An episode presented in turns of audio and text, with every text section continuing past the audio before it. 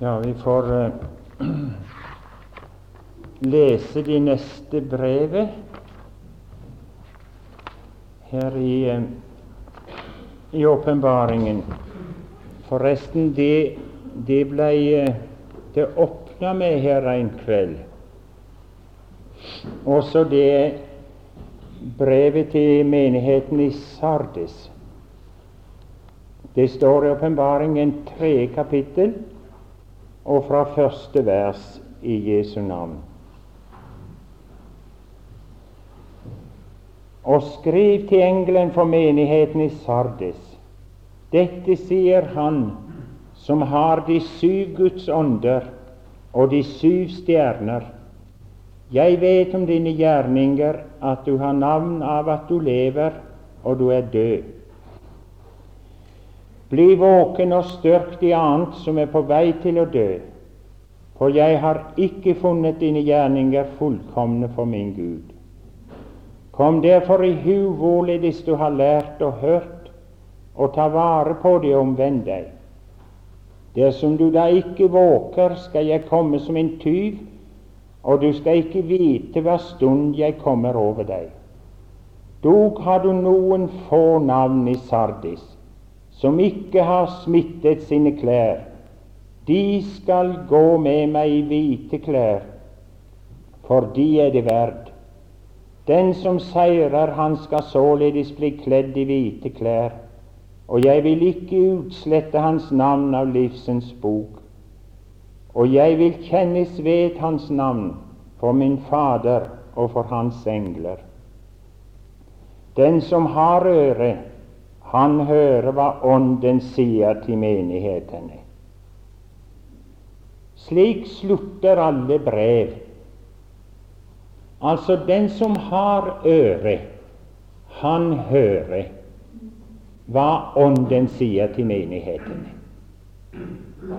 Og da spørs det om eh, du og jeg om vi har ører å høre.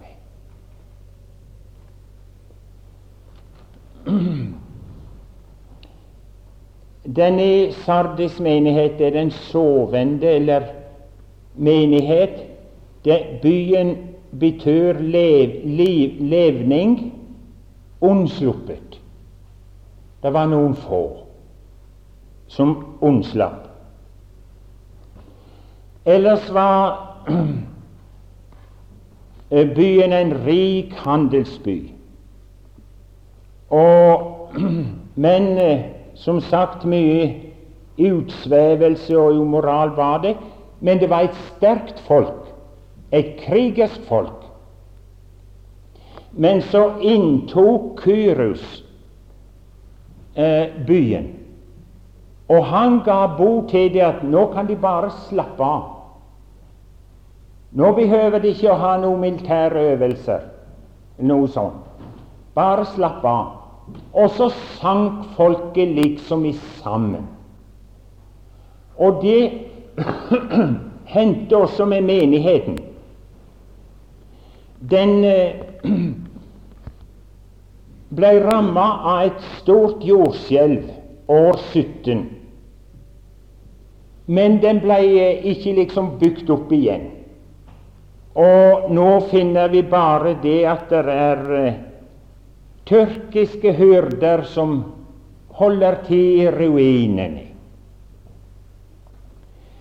Og det gikk samme veien i grunnen med menigheten i den byen. Men de levde på fordomsstorhet. Og det er et punkt som jeg gjerne vil streke under. Må jeg få si det både til meg sjøl og dere. Det å leve på fordoms storhet, det er farlig, og det er det ofte vi gjør. Har du hørt det at eh, det er mange, hvis de skal gi et vitnesbyrd, så må de tilbake kanskje 20, 30, 40, 50 år og fortelle åssen det var da?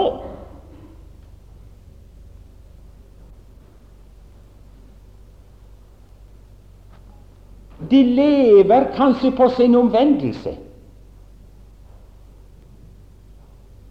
Langt tilbake i tida. Når du sier at de forrige dager Bibelen sier det, altså. Når du sier at de forrige dager var bedre enn disse, av visdom sier du det ikke, sier Bibelen. Og det var en mann som, som eh, ble Ja, de satt og snakka med han. Også en eldre mann. Og så kom det, ble det så nærgående at de, det var noen som dro i tvil om han var et Guds barn. Hå, Skulle bare mangle. Bare vent litt, du, så skal jeg og hente omvendelsen min, sa han. Da hadde han skrevet de opp og gjemt de. Og han var borte ei hel stund og kom tilbake nokså slukøra. For da sa han det at Nei, jeg, jeg, kan ikke, jeg, kan ikke, bringe han tilbake, sa han, for musene har spist han opp. Så det var jo, det var, det var umulig. Det var heldig at musene hadde spist opp den omvendelsen. For det er ikke det som jeg var for 10-15 år siden, men det er det som jeg er i dag. Det er det. Det er det som er det avgjørende. Om jeg var en, en, en, en god kristen for 20 år siden, men, men har sovna av i dag, er død i dag så skjønner du det at det gikk galt med meg. Og her sier, her sier taleren, han, Jesus, han sier det at det er han som har de sju Guds ånder. Og det som er det avgjørende for hvert menneske, det er Jesus. Det er ikke mine egne anstrengelser. Her menigheten var ingen lysbærer. Er ingen lysestaker i denne menigheten? En, ja, noen døde, noen på vei til å dø, og andre som hadde holdt livet og levde godt. Jesus vil det som han vil ha sagt til den, disse folka, det er at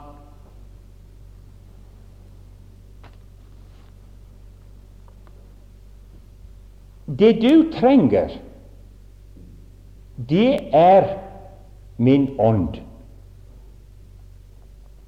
Du trenger åpenbaringsånd, ransakingsånden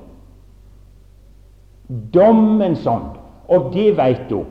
Når du begynner å, å, bli rørt på av Gud, så begynner du å, å ransake deg sjøl. Hvis du har Guds ånd, ransake deg sjøl og dømme deg sjøl. Da er det godt at det også er noe som heter bønnens ånd og nådens ånd og kjærlighetens ånd. Disse vil føre oss inn til Jesus. Og jeg er veldig glad for at Jesus dømmer aldri et menneske.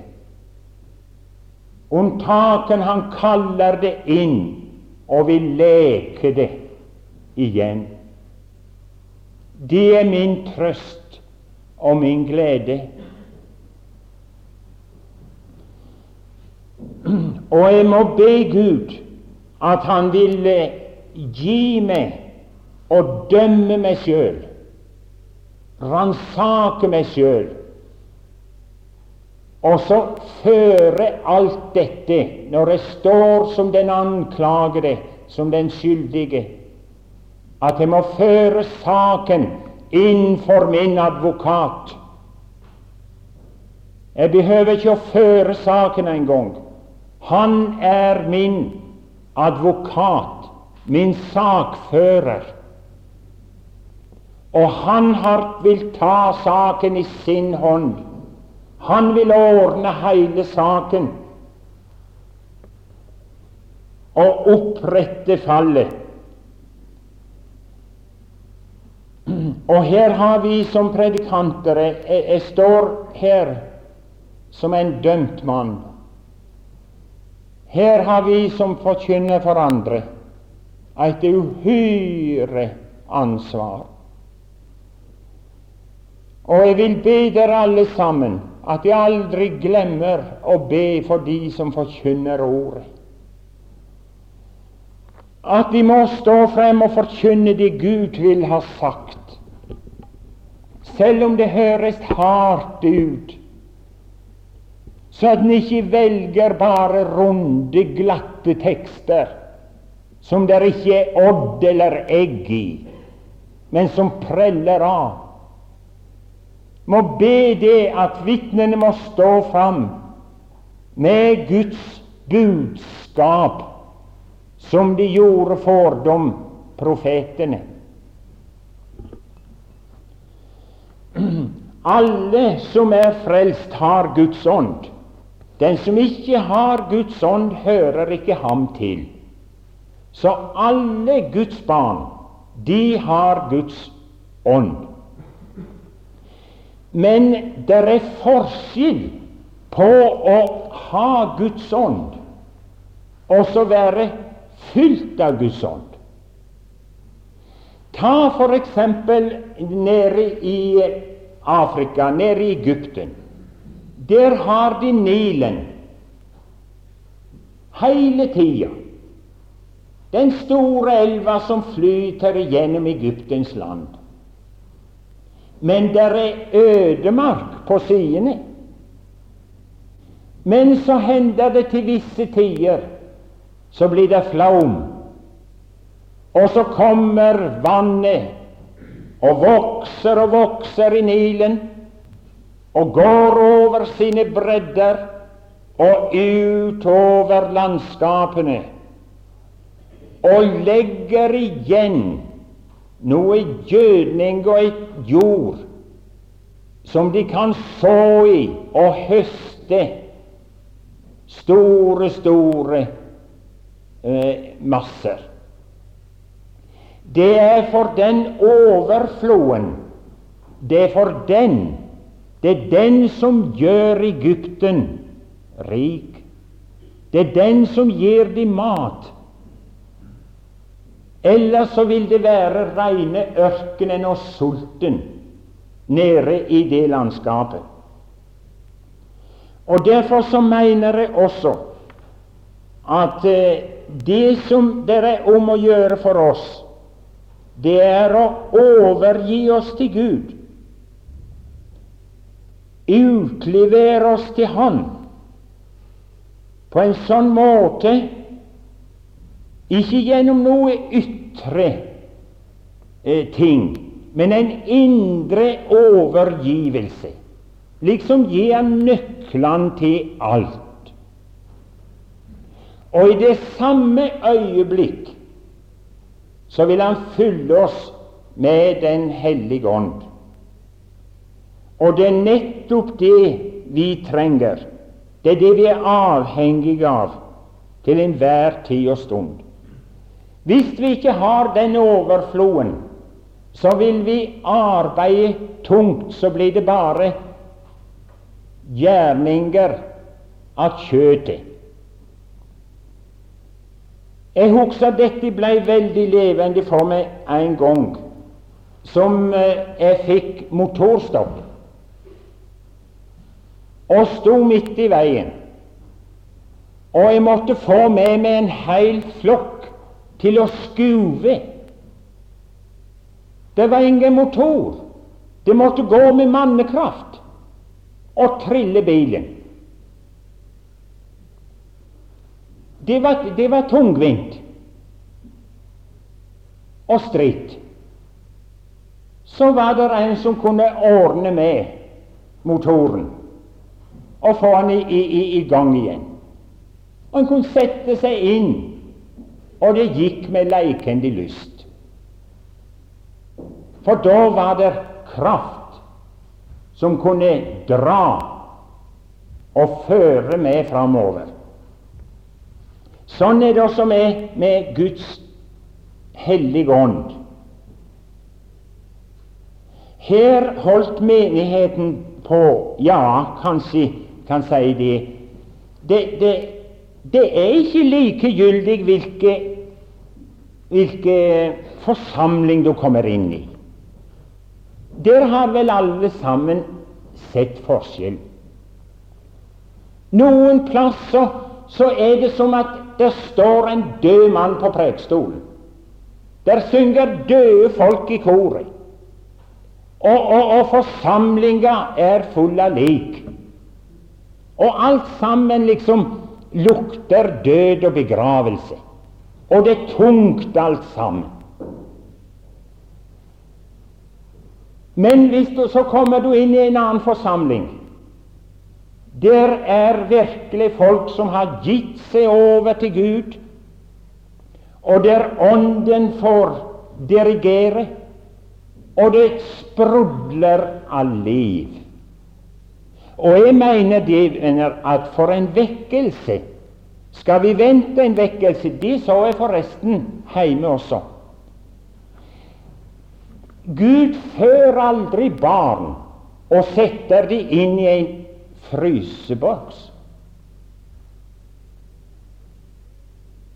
En gjør ikke det. Men, og det ser du når noen heim, en heim venter en, et lite barn. De ordner med varme klær. De ordner med alt sammen for å ta imot og ta vare på og stelle med den lille som skal komme. Jeg husker det når vi skulle ha den første gutten. Jeg måtte være med kona og, og, og, og kjøpe barnevogn. Og jeg var så flau at det likna ingenting for å, å gå med barnevogn, for vi hadde jo ingen da. Men vi måtte stelle til. Og hun kjøpte inn, og hun sydde og stelte til for at det barnet skulle få det godt. Og venner, en menighet der som ingen har interesse for andre, eller nød for andres frelse, så kan du skjønne det at om Gud skulle fø noen inn i den forsamlinga, de vil fryse hjel. For de ble overlatt til seg sjøl, så å si. Derfor så må han varme opp forsamlinga. De må komme inn for Guds åsyn. De må gi seg over til Han. Og her, la, la, oss, la, oss, nå se med en gang i denne menigheten her, som vi har for oss i Sardis, så var det en som var død, og noen holdt på å dø. De holdt på, Gud holdt på å skrive de inn i dødsrubrikken. Vi har de i protokollene våre, en dødsrubrikk. Men så står der ei rubrikk, og det står der over dødsårsak. Og vil du skrive under her i Sardis, du? Og vil du sette til dødsårsak? Hør nå her. Jeg vet om dine gjerninger, at du har navn av at du lever og du er død. Bli våken og styrk de annet som er på vei til å dø. For jeg har ikke funnet dine gjerninger fullkomne for min Gud. Vet du, jeg, jeg, jeg tror jeg vil sette her over. Det, det, det er ikke noe de klandrer for. Det er det rare. Det er ikke noe de lastes for. Men de dør allikevel. Og, og sykdom er det. Og er årsaken? Jeg tror at det er noe som vi kaller sovesyke. Jeg glemmer aldri Jeg hadde en kamerat i Amerika. Han var ifra ja, ja, kanskje halvveis Vestlandet.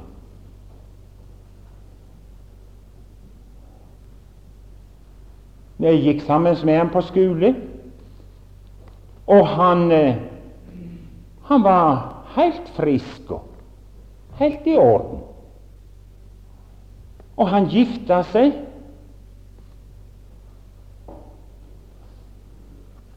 Men så begynte han å bli tung. Og så begynte han å like å sove. Har du noe smerter, Robert? Nei. Og han blei tyngre og tyngre etter hvert.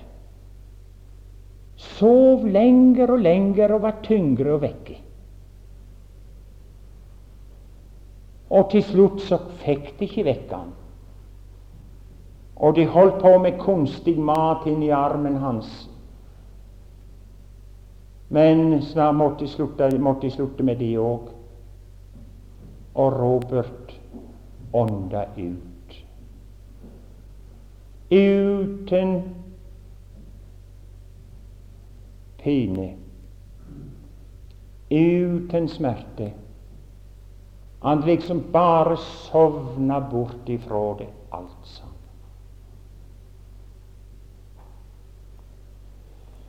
Da kvakk jeg. Går det an?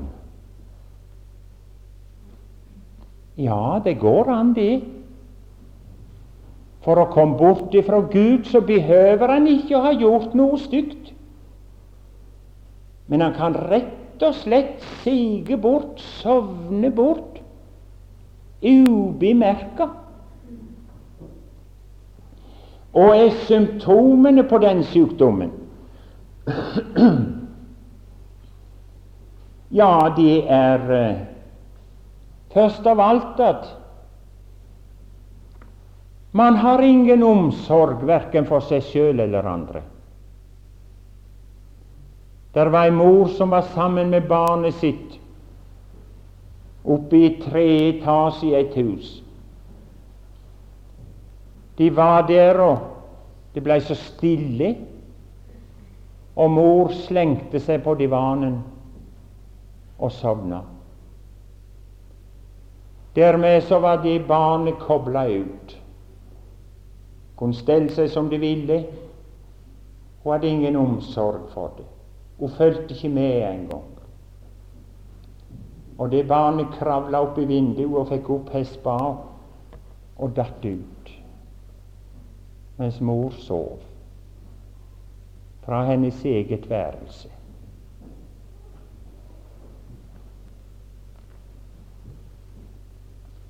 Når en begynner å, å, å sovne, det, det, kan vi vel prøve oss sjøl, så føler vi ikke noe ansvar. Det er ingen nød, som Johansen snakket om, ingen nød for andres frelse. Og vi har ikke såpass nød for vår egen sjel at, at vi nærer den. For det er et annet merke når en sover, behøver han ikke mat. Krever ikke mat. Jeg står aldri opp. Det kan du bevitne til. Jeg går, står aldri opp på nettene og, og ber om å få mat.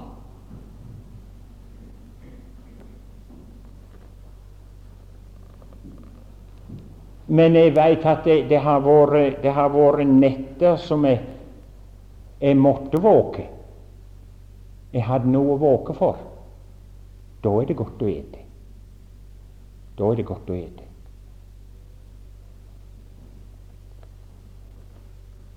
Nå får hver især prøve seg sjøl der. om de begynner å bli søvntunge, eller åssen det er. Og en annen ting kanskje kan jeg nevne i farten også, og det er at en som, en som sover, eh, kan bli atskillig irritert av å bli vekt. Det har vi sett.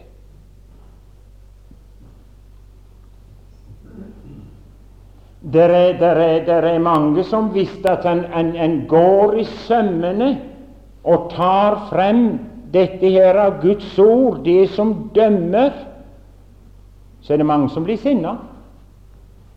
De blir irritert av å bli vekt. Spurgeon sier det at han har aldri vondt av å, å, å, å ransake seg sjøl. For er det i orden med meg, er jeg livsfrisk åndelig talt, lever godt med Gud, har frelsesfryd og trang til å være med og, og redde sjeler for Gud, så kan jeg være takknemlig, så har jeg en ting til å takke for.